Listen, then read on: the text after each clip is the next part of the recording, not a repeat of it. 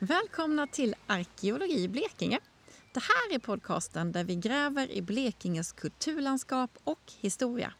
Jag besöker tillsammans med arkeologer och andra experter olika platser runt om i Blekinge som berättar om fascinerande fornlämningar, okända historier och intressanta forskningsrön. Just det här avsnittet har möjliggjorts genom ett samarbete med och bidrag från Länsstyrelsen i Blekinge. Men också genom ett tätt samarbete mellan Blekinge museum och mig. Och jag som har tänkt att dra med dig ut i vårt län och lära oss mer om Blekinges historia heter Lena König.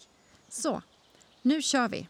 Eller om jag skulle säga, nu gräver vi. Välkommen till Arkeologi Blekinge.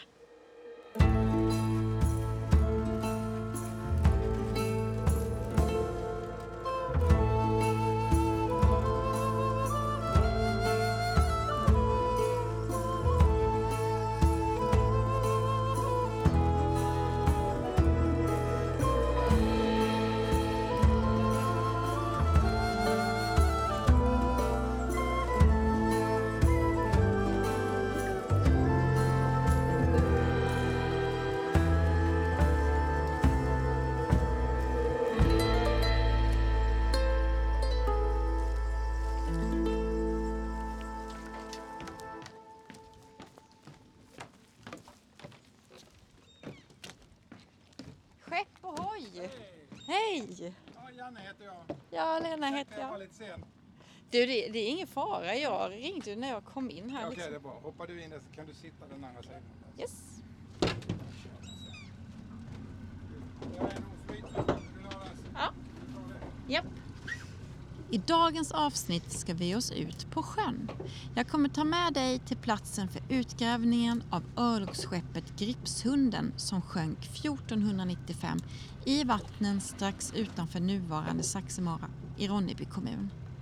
När vi kommer i båt ser vi på håll en stor flotte med två containrar på som ligger bara ett stenkast från ön Stora Ekön. Och det är så mycket folk och det är så mycket liv. Ha lite tålamod med ljudet de första minuterna. Det är dykningar på gång, det är mycket folk på plats och det står lådor med fynd överallt. Och ja, det är en helt vanlig dag på en marinarkeologisk utgrävning mitt i Blekinge. Och med oss för att berätta hela historien kring Gripshunden, förlisningen och de arkeologiska utgrävningarna har vi Mikael Björk, marinarkeolog vid Blekinge museum. Wow! Lena, välkommen. Hej, tack! Det var inte så länge sedan. Nej. Det väsnas så lite på denna sidan. Så. Men... Eh, ja. Eh, bara- Ska jag bara hoppa över? bara hoppa i land här. Du, har du dina grejer? Yes. Det här är mina, min tvätt. Väkten läckte som ett jävla såll. Då har vi en, en dykare nere. Phil Short, he responsible for all security here. Paul Iglik, diver. Marie, diver. Och sen har vi eh, ett gäng eh, eh, som tar hand om fyndhanteringen. Vi har precis tagit upp ett antal fynd. Och Det är folk från, eller det är människor, inte folk, det är människor från Blekinge museum och från Lunds universitet. Vad vill du ha mig? Hoppa i land! Ja. ja, ja, det är så nära land. eh.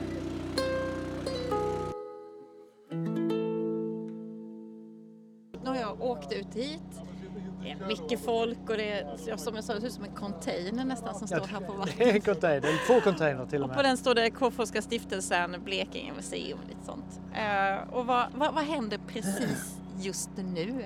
Just nu och just här eh, norr om Stora Ekön så håller vi på att gräva ut delar av vraket från eh, Gripshunden som sjönk 1495.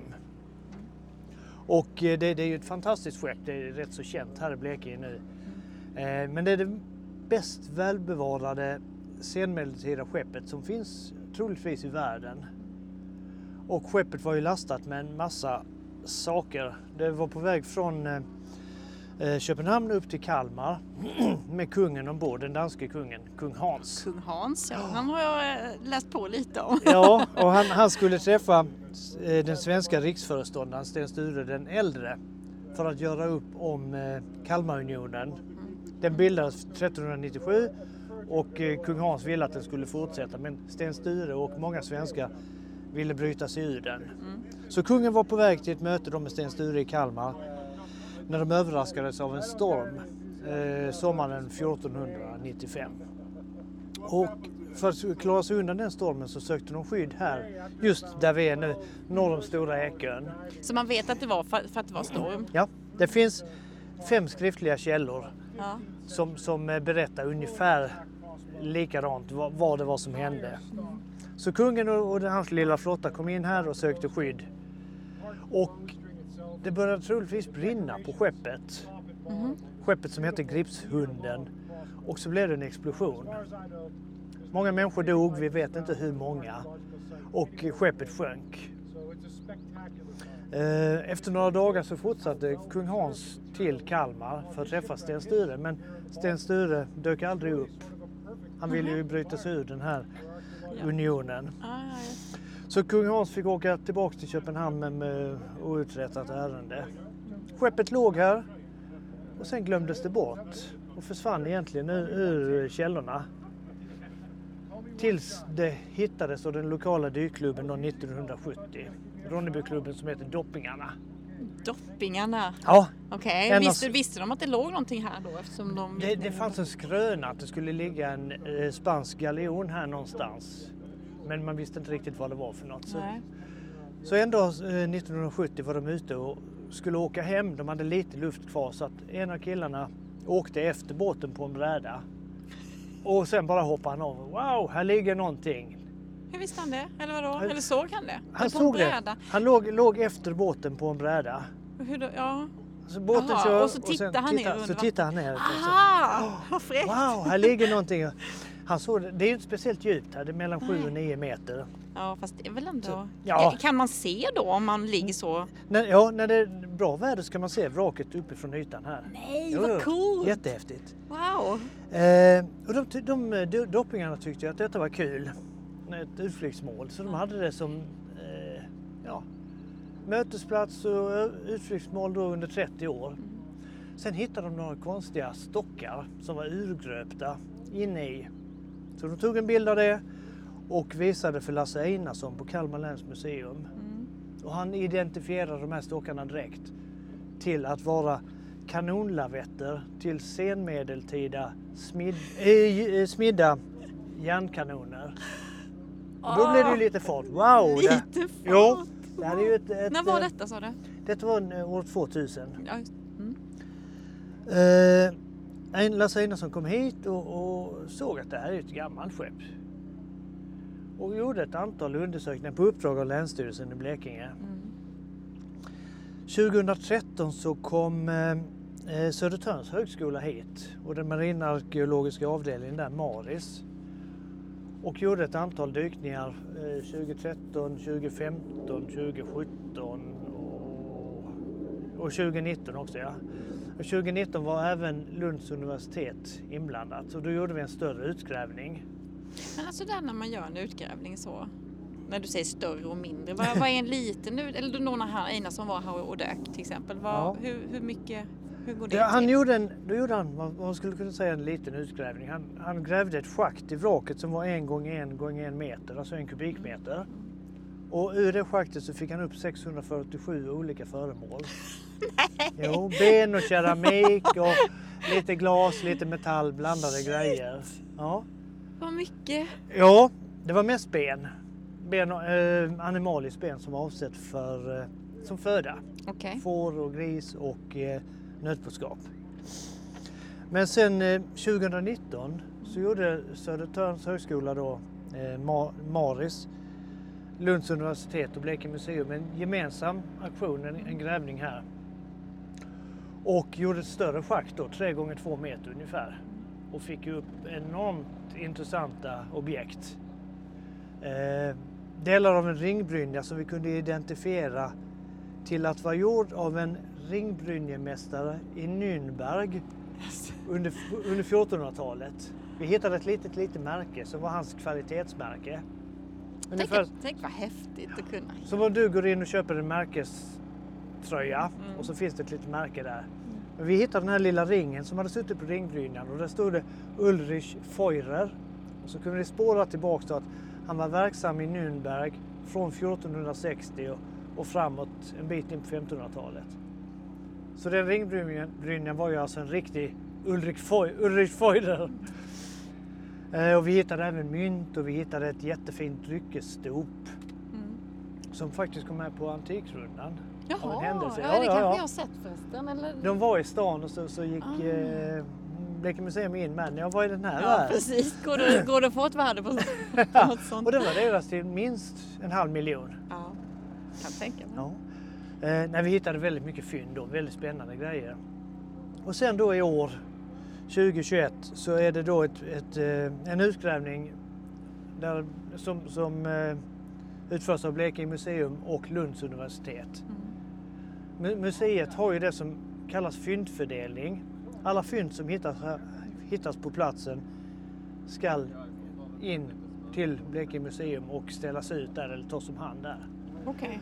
Och så står Lunds universitet för det vetenskapliga, alla undersökningar det, som, som ja. kommer.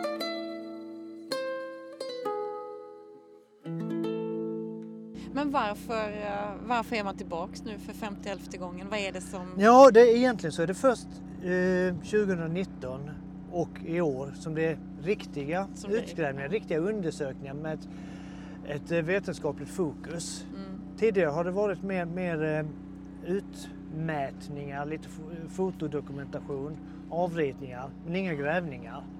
Så nu går vi lite mer på djupet om man kan vara rolig att säga det.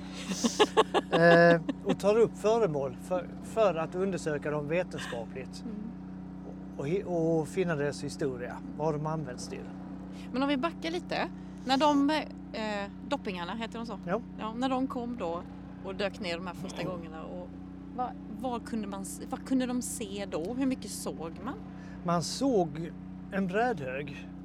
En stor brädhög. Om du går in på Berges byggmaterial och går in på deras baksida där det ligger lite slängda brädstumpar och rester och balkar och I en annat. gammal container. Liksom. Det Un, ungefär så ja. ja. Ja.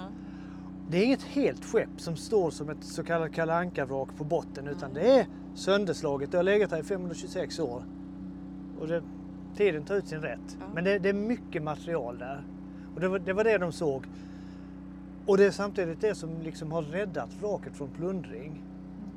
Därför ja, att just tror man att det är en brädhög, ja, det, är, det är ointressant, det är inget speciellt. Vi åker dit och simmar lite och sen åker vi hem. Man visste inte att det var kung Hans skepp som, som var rustat på väg till Kalmar för att manifestera kungens storhet. Han hade med sig sina bästa saker ombord. Mm. Adelsmännen hade sina bästa ringbrynjor och rustningar med sig. Sina finaste, största kanoner. Allt, alla prestigeföremål, hans bästa fatabur, alltså porslin, var med. Så det är lastat med prestigeföremål. Häromdagen, för, förra veckan så hittade vi en kanon här som är över 4,10 lång. Ja. En riktigt stor pjäs för den tiden. Men hur stort var, var Gipshunden? Unge- 30-32 meter långt och en 8-9 meter brett. Ett super, det är super, superstort. Ja, och, och för den tiden, om du flyttade tillbaks till slutet på 1400-talet så var det ett gigantiskt skepp, ett, ett eh, hangarfartyg. Men om det hade legat här nu, hur hade det liksom sett ut? Då hade det eh, stuckit upp i, det hade varit väldigt högt i fören och i akten. Hög, ett högt förkastell och ett högt akterkastell. Det som man har sett i den där filmen ju, eh, vad heter han? Sparrow. Ja, Pirates of the Caribbean. Ja, fast, Där de, där de kan stå upp och så Ja. kan de gå ner. Och fast de, var, de var ännu högre i fören och akten. För att tank, Ännu högre? Ännu högre. De sku, ju högre ju bättre. För att det var därifrån man bekämpade sina fiender. Okej. Man ville kunna anfalla dem uppifrån. Kasta ner brinnande saker och Jaha. skjuta med armborst, pilbågar och arkebuser. Var det skillnad då på, på krigsskepp? För att det var detta någon slags Mm. eh, Det- detta är- slag? Detta är troligtvis ett av de absolut första örlogsskeppen, alltså krigsskeppen som har byggts, byggts för örlog, för strid. Tidigare hade man tagit en eh, kogg eller en holk, när det var eh, alltså fartygstyper, som, som var byggda för att eh, transportera varor för handel. När det var krigstider så tog man en så- sånt satte på några kanoner och några soldater och sen körde man iväg. Men man hade inte byggt renodlade krigsskepp. Nej. Men det var detta, troligtvis. Ett av de absolut första riktiga slagskeppen. Det var därför han- skulle ta det då till Kalmar för att Ja. komma in där och vara lite mäktig. Ja, det Liksom. bästa, största. bästa. Han skulle imponera på. Sten Sture. Riktigt liksom. Haha, kolla och vad jag Sten har. Sture dök inte upp. Han och inte skeppet upp. heller. Inte skepp- skeppet heller, nej. nej. nej. Nu, vi backar tillbaks för jag avbröt ju dig med, med Jack Sparrow. Eh, 30, då ligger hon här och hon är hög i fören och Och i akten. Akten. Ja, och Mm. tre master. tre. Tre master. Oj. Troligtvis så hängde det också sköldar på sidorna Mm. med de olika adelsfamiljernas märken. Har ni hittat någonting? Nej, inte av det än. Nej. Inte av det än. Men det väntar förväntar vi oss. Och så hade hon tre master med all säkerhet. Fockmast, stormast och mesanmast. Och riktigt pampigt och längst fram i figuren så hade vi ju då det här monst- monstret som håller ett, ett skrikande människoansikte i sin käft. Det är väldigt, Ja. väldigt talande, bildligt. Ja, Ja. och det, det, det här skeppet skulle verkligen väcka uppmärksamhet. Mm. När fienden eller allmogen, gemene man, såg det här så skulle man Wow, här kommer kung Hans! Det skulle verkligen vara häftigt. Och vad är det? Är det byggt i ek? Eller Det är byggt i eka det mesta. Bordläggning och sånt som, som håller bra. Man hör det puttra här bak. Ja. Vad, är, vad är det som låter? Det som låter här bak det, det är en pump. Därför att vi håller på gräva på vraket nu. Ja. Men när man gör det så rör man upp en massa bottensediment så sikten förstörs. Ah. Därför har vi den här pumpen som suger bort sedimentet och gör att man har en bra sikt hela tiden. Eh, skulle vi inte ha det skulle vi inte kunna gräva, det är omöjligt. Mm. Det är så flyktigt sediment. Nu är vi ju lite och far överallt här men vi pratade om doppingarna. De kom hos en brädhög. Ja, Och sen har brädhögen varit här tills, tills man började gräva. ja till, egentligen då till, till Lasse Einarsson och Kalmar läns museum 20. såg att det, det var ett, det här är ett häftigt skepp. Det är Mm. inget vanligt skepp utan det är ett senmedeltida skepp och det finns inte så många sådana. Eh, Gripsunden är det bäst bevarade senmedeltida skeppet som finns troligtvis i världen. Och det är för att vi eh, är i bräckt vatten eller Bräckt vatten, eh, det är för låg salthalt för, för att eh, skeppsmasken ska kunna föröka sig. Det är inte så mycket trafik och som jag sa, det är en brädhög. Mm. Ointressant för plundrare. Just det. Ja. Det är många olika faktorer. Sen ligger det också väldigt skyddat här bakom Stora Eken för, för väder, för stormar, för strömmar och båttrafik. Så det, Vad häftigt. ja, det är Tänk riktigt att hon har fått ligga så länge. Och när skeppet sjönk, då gick ju Leonardo, Leonardo da Vinci runt och gjorde sina målningar och sina uppfinningar. Mm. Christopher Columbus satte sig på ett liknande skepp som var lite mindre faktiskt och åkte iväg och skulle hitta Amerika, Ja. eller upptäckte Amerika. Mm. Och de här länderna började skapas.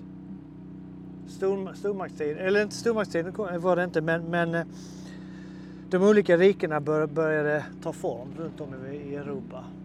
Det var en häftig tid. Mm. Vad häftigt. Och ja, eh, Sverige fanns ju inte på den tiden. Nej. Men Gustav Vasa var väl precis född ungefär. Och det hänger ihop. Det hände så jättemycket just vid den tiden. Otroligt spännande. Och vi kan ju hitta föremål från gemene man här, från alltså de var- vardagliga soldaterna. Vi hittar ju deras föremål, eller skepps, eh, sjömännen. Men vi hittar ju också föremål då från adeln och förhoppningsvis även från, från kungen. Så vi kommer få en väldigt bra bild av samhället på den tiden. Vi kommer till allt det sen. Jag tänkte bara, vi kunde bara fortsätta med Mm. hur man gräver ut. För det, det låter ju så kul, gräva ut. Jag förstår ju när man är på land Ja. att man liksom schaktar bort jord och sådär. Men Mm. här måste det vara väldigt dyrt. Och, och hur, Ja, det det. hur går det rent till att gräva ut så här? Eh, man gräver som man gör på land. Med en skärslev eller en liten pensel. Och så har man det här sugen som suger in sedimentet. Så man ligger försiktigt på botten, eller inte på botten, vi har byggt en ställning runt eh, själva schaktet. Så man be- behöver inte ligga på sedimentet. Nej. Så man ligger och svävar lite grann och så gräver man försiktigt, försiktigt, försiktigt tills man påträffar ett föremål. Och då tar man det med händerna och lägger det i en plastpåse ner i en liten bag. Händerna bara, att man suger upp det suger. Det händer. Ja. Och då skriker du! Nej, men vi har, vi har en påse som, som eh, en påse i ändarna suger där som, som samlar upp alla föremålen. Okej. Men ja, så det händer ju sånt naturligtvis. Eh, och sen gräver vi ner i skeppet då till vi kommer ner till ballasten. Alltså sten, sten, eller vikterna, tyngden som är längst ner i skeppet för att hålla det på rätt köl. Och så gräver vi ut ett schakt och förhoppningsvis kommer vi hinna med en 3 gånger 3 meter, ja knappt det, 3 gånger 2 meter kommer vi nog hinna med. Nu har ni varit här i två veckor den här omgången. Ja, Hur länge är ni? nu kommer vi gräva idag måndag och sen tisdag, onsdag och sen börjar vi avsluta. Okej. Eh, och det, det tar tid, det tar jättelång tid. När man hittar, hittar föremål som är extra ömtåliga får man ju dra ner på tempot. Vi, idag, för ett par timmar sedan, så bärgade vi ett komplett armborst. Som vilket är väldigt, väldigt all, eh, ovanligt. Det måste vi kika på sen. Ja, det har nog redan åkt in till, åkt eh, in. till kallvattenkuren. Aha, okej. jag. Så där kan du hitta det. Ja, ja. Men eh, när vi hittade det så får man vara extra försiktig för det är ju en eh, ornamentik på sidorna. Wow. Det är ett väldigt välarbetat föremål. Så det tog ju lång tid. Det tog ju ja, fyra timmar att gräva ut det i alla fall. Men hur många är de som är under vattenytan nu? Eh, vi är tre dykpar som dyker så jobbar man i, två, roterar två, man. sex personer? Ja. Mm. Hur länge är man nere då? mellan en och två och en halv timme per gäng. Det beror lite på vilken utrustning man har och, och hur det går. Nu var jag nere här, vi, vi skulle vara nere i 90 minuter men fick bryta efter 70 därför att dräkten läckte. Jag var dyngsur och kallt! Då blir det jättekallt. Det är mellan 8 och 10 grader i vattnet. Ah, ja, ja. ja, då är det, då är det inte så gött. Man är inte kaxig då. Ja, men du, om vi backar lite. Jag tänkte på alla fynd nu som har hittats. Från, vad var det första... Om vi, om vi inte... Vi backar ännu längre, inte i år utan tidigare. Vad, när började man upp, förstå att aj, aj, det här är, det här är riktiga... Ja, ske- skeppets eh, storhet, betydelse, det, det förstod man ju redan år 2000. Mm. Med, med de här kanonlavetterna som, som sa att det här är ett krigsskepp från slutet av medeltiden. Och hur Då visste måste- man att det var med, slutet medeltid? Eh, det, var, det var då man slutade använda den här typen av kanoner. Smidda järnkanoner. Efter det så kom det gjutna järnkanoner och bronskanoner. Så det var en väldigt tydlig indik- indikation på var i tiden vi befann oss. Och eh, sen, sen dess har man ju förstått hur fint det är, vid, vid dess värde. Men att komma hit och börja gräva på det, det, det, det är en stor process. Det kräver väldigt, väldigt mycket. Framförallt pengar. Det är mycket billigare att gräva på land. Här, här ute till sjöss så krävs det, krävs det mycket, mycket mer utrustning. Mm. Men, men de grävningarna vi har gjort nu, de visar precis på, på vad- vi trodde. Det finns en enorm potential här, verkligen. Och det är långt, långt ifrån klart eller? Ja, vi, vi, har, vi har grävt 1-2 procent max av det. Va? Det är helt sjukt. Ja. Men hur stor, hur stor yta är, vet man? Alltså, Alltså- har, ni, har ni dykt runt och liksom kollat, där Ja. finns de yttre och Ja, alltså, det har vi gjort. så? Alltså, man kan väl säga att vi har alltså, 40 meter på längden och eh, 20 på bredden ungefär. Ja, så det, Där det, är det är så att hon har liksom bara trillat ner och så bara trillat sönder på plats Ja, och ställe nästan? Egentligen ställt sig på botten med lite slagsida till styrbord. Och sen sakta då sjunkit ihop som, lite som ett korthus här. Ah. Så allting ligger ju kvar där nere och sen har det översedimenterats och rört sig lite grann. Eh, Det som är lustigt nu när, när vi håller på att gräva det är att allting är blandat. Vi hittar armborst under tunnor tillsammans med skor och en kam och lite silvermynt. Och det är en väldig röra där. Det är svårt att förstå skeendet, vad det som har hänt här. Men är, är det som ett sånt så pass fruset ögonblick när det är så många år? Kan det inte vara så att det har varit bottenfruset och det har flyttats liksom Jo, saker? Inte och, bottenfruset kanske, men, men men ankare har varit och draggat omkring här och man har kanske försökt bärga under 1500-talet, 1600-talet. Mm. Eh, när hon gick ner så stod ju både för och akterkastell upp över ytan. Ah, så då ja, måste gud, man ju ha ja. plockat en hel del saker. Ah, Men det som är jättekonstigt är det att, att man inte plockade kanonerna. Vi har, vi har bärgat, eller man har bärgat nio kanonlavetter Mm. som innehöll kanonerna, men kanonerna är bortrostade. Och det, det är ju en stor gåta, varför bärgade de inte kanonerna på eh, 1400-1500-talet? De hade ett stort ekonomiskt värde och ett stort eh, vad ska man säga, prestigevärde. De var oerhört viktiga. Men man har inte bärgat dem. Varför fick de ligga kvar? Så det är många, många gåtor kring skeppet.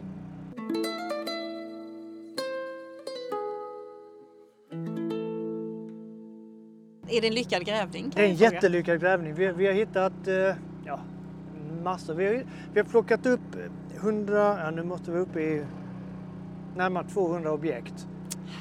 Och eh, Och hur många kvadratmeter pratar vi nu? två gånger tre. Men 2019 så, så plockades det upp 68 objekt. Så vi kommer att eh, påträffa i alla fall tre gånger så många. Men är det för att ni har lärt er platsen lite Ja. och blivit liksom lite mer intelligenta i själva Ja. jobbet? Ja, och en, en bättre rotation på Just dykningen. Ja. Bättre fyndhantering, alltså smidigare. Vi har lärt oss av våra misstag rätt Mm, mycket. Eh, något som är häftigt som vi hittade tror vi är saffran. Saffran? Saffran, ja. Eh, förra veckan, mellan två balkar, så kom det ut vad vi tror är saffranspistiller. Små, små nys, fem, sex små nystan som bara kom ut. Och när vi la dem i en fyndpåse så blev det orange med en gång. Åh, vad häftigt. Så, så, och det låg rätt så nära där vi fann fisken stör 2019. Aha. Eh, och både saffran och stör är ju, är ju otroligt dyra råvaror. Mm. Men det skulle, ku- skulle mycket väl kunna vara så att kung Hans ville visa Sten Sture, kolla här vilken, vilket kärk jag har. Har du det? Här är både saffran och stör och, och sen har vi hittat mycket, mycket vapen nu. My- Eh, flera armborst, ett i princip intakt. Mm. Mycket armborstpilar. Eh, mynt. Vi har hittat en jättefin luskam. Oh. Ja, Har ni testat den? inte än, inte än. Jag ska, vi ska faktiskt ta och titta på den först om, om det till och med kan finnas kvar. Kanske några små löss. I den. Det är det som är roligt med, med det här gänget nu, nu när man undersöker och tar upp föremål. Att eh, det vetenskapliga värdet sätts i fokus. Man försöker verkligen fördjupa sig, suga ut så mycket kunskap som möjligt. Mm. Som exempelvis saffran, om det nu är saffran. Varifrån kom den? Hur förvarades den? Vad var den till för? Det finns så många underfrågor. Var, varje fråga väcker ju nya frågor. Ja. Men eh, Lunds universitet är otroligt duktiga på att ta hand, på att fördjupa sig, ta hand om föremålen och lyfta fram de viktiga frågorna och, och beforska det. Var exakt är vi? Vi är... Nu är vi, jag ska säga vid akten ungefär. Och sen i den ändan av pontonen och in mot ön ligger vraket. Jaha, ja, vi, vi står... Ja, ja, precis. Du fattar. Ja, Ja. just det. Så där bortifrån och så in Mm. mot land. Och låg hon ankrad då? Ja, med fören in mot land och akten utåt. Men vad, vad vet man om hela, eh, hela den här berättelsen om vad som verkligen hände? Ja, det, det, det, finns, eller det fanns ju ett ögonvittne, Tyge Krabbe som var med. Han var en ung adelsman i kung Hans hov. Och han, han har skrivit ner sina berättelser. Och sen finns det fyra andra källor som är någorlunda samstämmiga. Förutom en krönika som sticker ut lite grann. Men, men i princip säger de samma sak. Och det var då att kung, kung Hans fick söka skydd under stormen. Anklade bakom Stora Ekön i Ekesund. Eh, han hade en spåman ombord. Mm. Hans personliga eh, spåman. Och den, den här spåmannen såg onda tecken i skyn. Och sa till kungen, Ers Majestäts eh, Marie. Man får bara hålla ett öga. Om. Ja, Ja. jag var på, Är det, det kom en segelbåt rakt mot Gripshunden kan man säga. Och innan var det några här motorbåt. Är det många som åker fram och sådär? Ja, vi, vi har ju dykflaggan uppe och den, är signalflagga A. Den säger att då ska man hålla sig utanför det. Man ska sänka farten och inte gå för nära för att det finns dykare i vattnet. Men, men tillbaka till, till eh, Ja. den här eh, spårmannen. Han såg onda tecken i skyn och sa Ers Majestät, ni måste gå i land. Det kommer att hända onda saker här. Och kungen lydde hans råd. Så de satte i land honom. Jag vet inte om de var på Ekön eller, eller någon av öarna här omkring. Och mycket riktigt, skeppet började brinna och exploderade. Det som är lite konstigt i historien är att den här spårmannen var själv ombord. Och historien förtäljer att vid explosionen så lyftes han upp i luften över största seglet och hamnade i vattnet och dog. Nej! Jo, så han, han räddade kungen men han, eh, han litade nog inte på sina egna förutsägelser. Nej. Eh, och att då som sagt flera människor omkom. Det är väl ungefär det man vet, det är väldigt lite. Det finns inget så här lokalt? Nej, Eller man vet en- inget? Inte efter 500 år. Nej. Hur vet vi hur det... Saxemar, alltså hur var det? Ronneby fanns ju. Ronneby fanns Ronneby. där borta. Ja. Förlåt! Ja, det är ju fara. Det finns, finns säkert flera, finns flera Ronneby. Men eh, Ro- Ronneby fanns, det är en av Blekinges äldsta städer. Mm. Sen fanns det ju en massa små bondehamnar längs hela eh, kusten här. Och Stora Ekön har varit en, en eh, säker, trygg ankringsplats i alla tider. Och på de äldsta sjökorten så, så ser man att eh, det, det är utmärkt som en ankringsplats här. Så alla känner, alla känner till det och har all, så har det alltid Ja, varit. just det. Ja, för det, hur långt är det från öppet? Det är bara rakt in från öppet Ja, hav det, egentligen. an- andra sidan ön så är det helt öppet. Just det.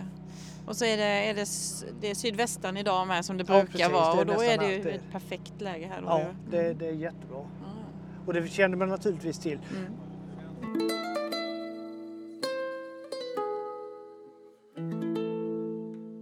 Vår förhoppning är ju att det här projektet ska fortsätta i tio år. Mm. Att vi ska kunna få kontinuitet i de här grävningarna. Att man liksom gräver varje sommar nästan, Ja. eller vår. Mm. En eller två gånger om året och, och sen eh, använder tiden där, däremellan att beforska, att suga ut så mycket information som möjligt Mm. av fynden. Svårigheten med det, det är ju den här lilla grejen, ekonomin. Ja, La- som alltid. Ja, marinarkeologi är mycket dyrare än landarkeologi. Det kräver en helt annan både organisation och framförallt säkerhet. Så att vi behöver ju ett antal miljoner och sen kostar det jättemycket att konservera fynden. Vi har hittat en kanon här nere då, som jag sa som är fyra meter, drygt fyra meter lång. Mm. Den kommer vi inte att bärga nu. Därför att konserveringen av den skulle kanske handla om en miljon. Det är så ja. Ja, Men hur stort värde har ett sånt här fynd? Nu är vi i det lilla, lilla länet Blekinge och li- ett litet museum och sådär. Alltså, ja men har sätt in fått, det i som har fått den här jätte...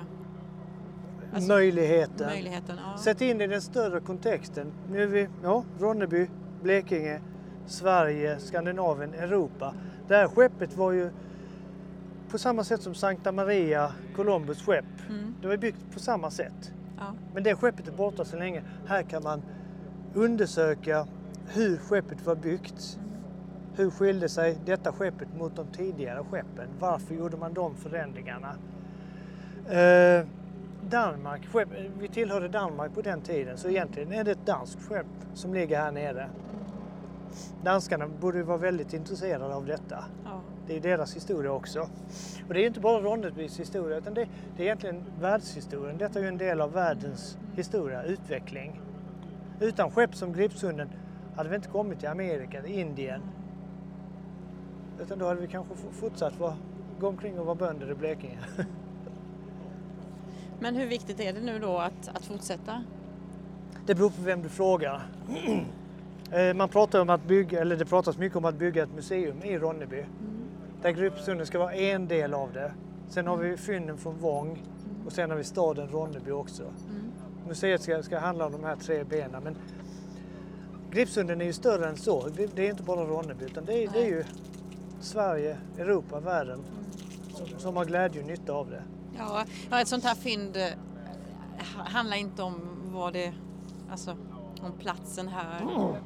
Mer än hela, det är ju politik och det är Ja. världs, alltså historia. Ja, och skeppet kunde ju mycket gärna ha legat i Skåne eller i Kalmar. Det, det fick söka skydd här. Det är bara en händelse, en, en slump att det ligger just här. Och vad betyder det för Blekinge museum? Eh, det betyder jättemycket. Det är ett stort dragplåster naturligtvis. Att vi har ett världsunikt vrak här. Eh, det är jätteviktigt. Det är det. Och det, det kan ju gynna turismen, det kan gynna, gynna dykindustrin. Det kan gynna hela länet. Utnyttja det. Att ta tillvara på möjligheterna som finns här. För man, vet- vi vet ju inte i framtiden kommer klimatförändringen att påverka miljön. Kommer skeppsmasken att komma in i Östersjön och- och gnaga sönder skepp som Kronan, Gripshunden, Vasa, Svärdet, Mars. Ja. Det var min nästa fråga som jag tänkte, alltså Vasaskeppet som Mm. står uppe i Stockholm. Eh, hur stor, alltså vad är det, det här i paritet till en sån? Alltså vad är, Ja, kan vi jämföra dem på något vis i, Ja, det, i historisk, eh, historiskt värde? det, det, kan man, det tror jag man kan göra. De, det är ju två helt, helt olika skepp, byggda på olika sätt. Men båda är byggda med syftet att manifestera en storhet, en prakt, en makt. Mm. Båda är ju stora, stora maktsymboler för kungen och kungens eh, eh, storhet. De, mycket, det, symbolvärdet är, eller, eller var otroligt stort. Det, den likheten finns ju. Och sen var, var ju båda, båda byggda för örlog. För att utkämpa krig till sjöss. Men helt olika tekniker, olika byggnadssätt. Men, men Vasa är ju en fortsättning på Gripsunden. Och sen efter det så har vi ju då eh, Kronan som sjönk 1676. Så de, alla de här skeppen är ju, bygger ju på varandra, på utvecklingen.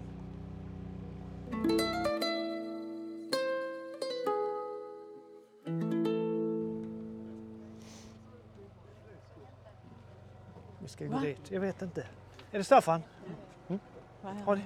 Du kan ju ta, du kan snacka med han så fort han kommer upp. vad händer? Vad händer? Vad händer? You got a fish? Nu har, ja, nu Just det, tyst. nu har vi gått upp. Nu är det tyst. Ja, Ja, vad bra. Ja, nu har vi dykare på väg upp här Mm. som har varit nere och, och grävt i schaktet. Eh, och du ser, han dyker med så kallat öppet system så han släpper ut luften. En, en del av dykarna här dyker med slutet system. Återanvändning av luften och man kan vara nere mycket längre. Men här, här har han varit nere i ja, 40-50 minuter skulle jag tro. Och här ska han, nu ser vi han, han kommer, om han har fynd med sig nu så kommer han att komma upp här och, och lämna dem. Ni vet inte alls om ifall han har något. Han, har, han kan inte hojta Nej, där nere. nej, för att vi, nu, nu när Marie och jag var nere så avslutade vi vår uppgift. Vi gav inte honom någon ny uppgift. Mm. Så han har varit nere nu och eh, använt sitt sunda förnuft och sin erfarenhet. Mm. Det är Staffan fr- från Arbin som kommer här nu från Bohusläns museum. Ja, var kom alla dykarna ifrån? Ja, det är du då. Jag från Blekinge museum då och Phil Short från England och Paulus där från eh, Kroatien. Marie Jonsson från Vikenskeppsmuseet i Roskilde. Eh, vem har vi mer? Hur kom det sig att det är så många olika... Eh, Eh, det, det är en liten värld, marinarkeologin. nu ska vi De flesta känner varandra.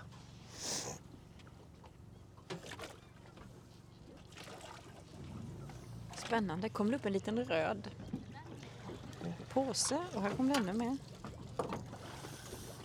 Och i, I den röda påsen har han då småfynd som har lagts i plastpåsar.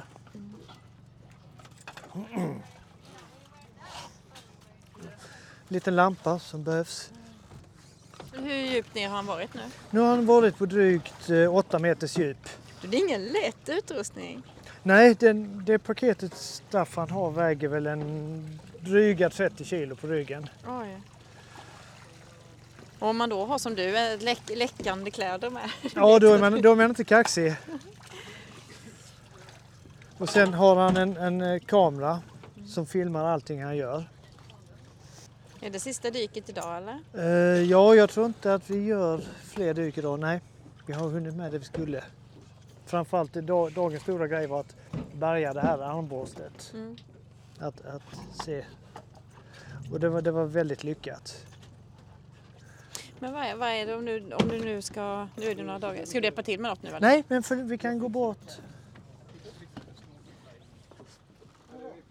Om du vill se lite vad som Ja finns här. Så det kommer direkt upp i vattnet. Så bara Ja, upp här och Det- så plockar man upp det direkt eller? ja dokumentera det, ge det ett nummer. Mm. Paketera och sen tas det bort till kallvattenkuret eller, eller eh, Blekinge museums förråd i, Rosenholm. Mm. För vidare undersökningar. Ibland kan man behöva lite tid. Ja, ja. Som här till exempel. Det, vad, såg du vad det var för något? Did you, did you know what would you say this is? Metal conclusion and wood. Me, know. metall och, och But trä, okay. alltså en krusta. Ja, sammansmältning. Och, Ja. Yeah. Har det kommit upp något speciellt nu? So did, you, did you see the crossbow? Yes, yes. It's uh, here. Sen måste du ligga, fortsätta ligga i samma vatten. Här har vi en del av stocken av... No, no, no, I think we see it. It's, it's radio so we don't have a picture. Men här ser du uttaget för mekanismen. Men du ser att det, det är hårt eroderat. Det är hårt slitet av, av väder och vind. Men här, här har alltså mekanismen suttit då. När du säger mekanismen på... Eh, avtryckarmekanismen till eh, armborstet. Hur, man- hur man avfyrade det. Ja. Nej, det- kommer upp otroligt mycket. Men, men mycket, som sagt, mycket vapen. Men en sån här plats nu då. eh, Stänger ni här om några dagar och ger er iväg. Hur, hur, hur har man koll? Alltså man måste ju skydda den här platsen. Nu är den väl Ja. enligt lag skyddad men det kanske inte alltid eh, går in. Nej, kustbevakningen håller koll på det, både med flygplan och eh, båtar. Och sen ortsbefolkningen. Mm. Och sen har vi förhoppning att, eh, att eh, kunna få ett akustiskt övervakningssystem på plats. Och vad menar du då? Alltså, Då finns det eh, givare på botten som känner av om det är otillåtna rörelser. okej, okej. Det, det är ju dykförbud och ankringsförbud här. Men det finns ju alltid klåfingriga människor. Du, Och- vi tar lite kaffe. Yes, Jag känner att jag är fortfarande kall efter jag dyket. förstår det.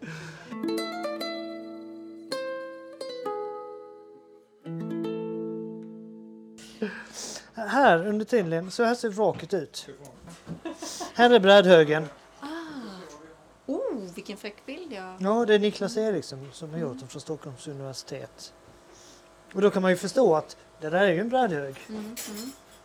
Så vi befinner här ligger flotten ungefär. Ja, men shit vad Och- stort ja. Så, så blir... Nej, ska vi säga, nej, så blir det. Hur mycket finns kvar? Alltså, jag förstår att ni kan inte säga så men Eh, ja, om vi men säger det, att vi, att vi bara kunde kvar. plocka upp varenda bräda där och bara köra ihop allting och snickra ihop det. Hur, hur mycket hade det liksom funnits? Ja, det, har, det har funnits mycket. Eh, av bordläggningen, alltså sidorna Mm. på vraket, så är det väl en, kanske en två, två och en halv meter på var sida. Mm. Som, det- hon ligger nedsjunken. Ja, i. så man- hon, hon är nedsjunken i och sen har hon tippat åt Ja, sidan. då, precis, precis. Så. eller? Ska vi gå runt där Ja, bak? det kan vi göra. Lite lugnare bara kanske. Jag tror det blåser mindre här. Här blir det bra. Hur mycket sån här ny teknik använder man i detta? Mycket, mycket. För man kan mycket. tänka då 1970 när de var här nere, de vanliga Mm. dykarna, det var det vanliga dykare, men även 2000, det måste vara stor skillnad mot Ja, det har, det, har hänt, de. det har hänt otroligt mycket på den tekniska utvecklingen Mm. inom, inom all arkeologi och, och framförallt marinarkeologi med sonar, bottenseende, ekolod, sidoseende ekolod, magnetometer, eh, metalldetektorer. Ja, Det händer jättemycket. Nu förstår jag att, te- att tekniken är dyr i sig men Mm. att man kanske kan skynda på vissa processer. Att det inte behöver ta lika lång Absolut. tid, att Ja, man kan ja, hitta ja. det eller så snabbare. Och man kan avgöra, är det lönt att konservera det här föremålet eller är det inte? Man kan röntga det innan och se om det innehåller någonting Mm. istället för en lång, lång, lång process. Och likadant konservering av olika föremål gör man ju bättre idag än för 50 år sedan när vraket upptäcktes. Eh, Så det, visst, det är mycket, mycket effektivt. Ja, det har, det har varit känt i 50 år men under 30 år så var det bara utflyktsmål för doppingarna. Mm. Vi, eh, den som inte har varit där, vi har ju träffats på ett annat ställe. Det var ju också Ja. det, det, den här, vad betyder de lokala till exempel i marinarkeologi? De lokala dykklubbarna. Det måste vara väldigt många klubbar som hittar det mesta. Ja, de be- betyder nog 99 procent av, av de fynd som har gjorts egentligen i, i Blekinge. Mm. Utan dem så hade vi inte, vi hade inte haft Gripshunden, vi hade inte haft mynten vid Samsabådarna, vi hade inte haft så många pålspärrar i östra Blekinge. Nej, de, de betyder jättemycket. Därför att staten eller samhället driver ju inte på marinarkeologin. Och eh, marinarkeologin idag, framförallt i Blekinge, har en otrolig potential. Tittar man på antalet fynd som är registrerade i Blekinge så är 97,7 procent registrerade på land. Resten, drygt 2 procent, är registrerade till sjöss, alltså har en maritim anknytning. Och av de som är registrerade till sjöss är inte alla undersökta utan en del är bara på hörsägen. Så det är bara en liten, liten, liten, liten del av alla arkeologiska fynd som, som har anknytning till vatten eller som är maritima. Men som gamla eh, sådana fiskare härifrån Saxemara och så, har de haft koll på detta? De har säkert haft koll på vad, vad, att de inte ska sätta sina nät här. Mm. Vi har hittat mängder av nät i vraket ju. Eh, så, så, gam, så fiskare, framförallt gamla fiskare då, har ju ofta väldigt bra koll på var olika nätfastnor, alltså vrak, kan finnas. Ortsbefolkningen, sen- likadant namn, olika namn kan berätta att där finns det ett vrak eller där är det sånt och sånt. Namnet ja, Gripshunden. Ja, det vet vi inte riktigt. Jag vet inte riktigt varför den hette det. Och skepp kunde på, den, eh, på medeltiden kunde skepp också ändra, byta namn. Och de kallades olika saker i olika hamnar, så det är väldigt svårt. Men Gripshunden, eller Griffen, eller Griffone, som den nämns i olika källor, eh, dyker upp då i det skriftliga källmaterialet. Dels vid Island, i Norge, England, Gotland och sen här då i Ekesund sista gången. Mm. Och det är samma skepp, det är kung Hans skepp. Om man nu kommer förbi med båten här, Mm. man har lyssnat på den här, det här avsnittet och vill ändå liksom hit och se platsen. Hur, hur tar man sig hit och hur ska man, vad tycker du att man ska tänka på när man är här eller? Ja, man ska försöka glömma bort allt det moderna runt omkring sig. Båtmotorer och andra störande ljud och byggnader. Försöka tänka sig hur det såg ut den dagen när skeppet kom in här för att eh, undvika stormen. När de ankrade upp. Försöka se framför sig ett stort skepp med högt förkastell, högt akterkastell. Fint målat, ett stort drakfigur i fören. Eh, branden, paniken, explosionen. Och en förbannad kung naturligtvis.